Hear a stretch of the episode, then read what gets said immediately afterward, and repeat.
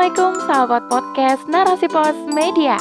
Di sini Dewi Nasjak kembali menemani ruang dengar Anda di rubrik Family. Kali ini dengan judul Anissa oleh Andrea Ausi. Anissa sangat istimewa. Hormatilah dia, hargailah dan cintailah Anisamu. Biarkanlah senyumannya mewarnai kehidupannya dalam bingkai ilahi.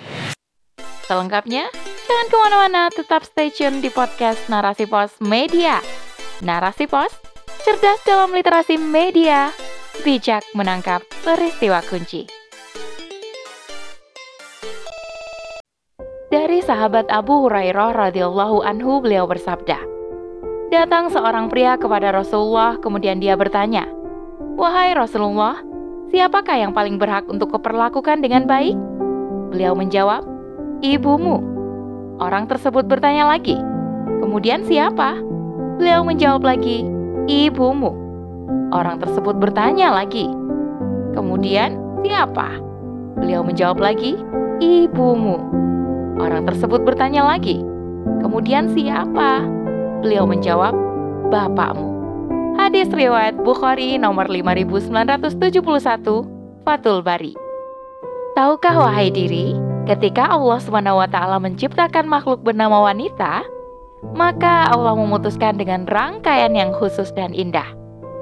Allah membuat bahunya cukup kuat untuk membawa beban berat dunia, namun membuat lengannya cukup lembut untuk memberikan kenyamanan. Allah taala memberikan kekuatan batin untuk bertahan di saat melahirkan buah hatinya serta penolakan yang terkadang berkali-kali datang dari kaum Adam bahkan dari anaknya sendiri. Allah Subhanahu wa taala juga memberikan kekuatan untuk membuatnya bertahan dan menjaga keluarganya, sahabatnya, dan orang-orang di sekitarnya. Walaupun ada kalanya semua orang menyerah karena penyakit, kelelahan, dan sebagainya. Dia tetap bertahan tanpa mengeluh. Allah Subhanahu wa taala memberikan kepekaan untuk mencintai anak-anaknya dalam situasi apa pun walaupun terkadang anaknya sangat menyakitinya. Seorang ibu mempunyai kekuatan yang khusus. Dia senantiasa memberikan rasa kenyamanan untuk buah hatinya tatkala bobo. Dia juga memberikan perlindungan tatkala anaknya cemas dan ketakutan. Cinta kasihnya tidak akan terpenggal dalam dentuman masa. Tahukah wahai Adam, tatkala dia menjelma menjadi seorang istri, Allah Subhanahu wa taala memberikan kekuatan lain untuknya agar bisa merawat dan mencintai suaminya walaupun sering tersakiti. Karena Allah Subhanahu wa taala menciptakannya dari tulang rusuk laki-laki sebagai pertanda untuk menjaga hati suaminya. Dia tercipta bukan dari kepalanya untuk dijunjung, bukan pula dari kakinya untuk dipijak, tapi dari sisinya untuk dijadikan teman hidupnya dan dekat dengan lengannya untuk dilindungi, serta dekat dengan hatinya untuk dicintai. Rasulullah Shallallahu Alaihi Wasallam pernah mengingatkan, bersikap baiklah kepada wanita karena dia diciptakan dari tulang rusuk. Bagian tulang rusuk yang paling bengkok ada di atas. Jika kamu berusaha meluruskannya, maka dia akan patah. Dan bila dibiarkan, maka tetap bengkok di sana. Sehingga bersikap baiklah kepada wanita. Allah Subhanahu wa taala memberikan insting kebijaksanaan khusus untuknya agar bisa mengetahui bahwa suami yang baik tidak akan menyakiti istrinya. Tetapi, terkadang kekuatannya dan ketetapan hatinya teruji untuk tetap berdiri di samping suaminya tanpa ragu. Untuk semua kerja kerasnya, maka Allah Subhanahu wa taala memberikan air mata untuk diteteskan agar bisa digunakan kapan pun sebagai miliknya, sebagai penguat hatinya, atau ungkapan rasa yang tidak terucap. Dan itulah salah satu kelemahannya. Wahai diri, ketika dirimu melihat ibumu menangis, katakanlah kepadanya betapa dirimu sangat mencintainya.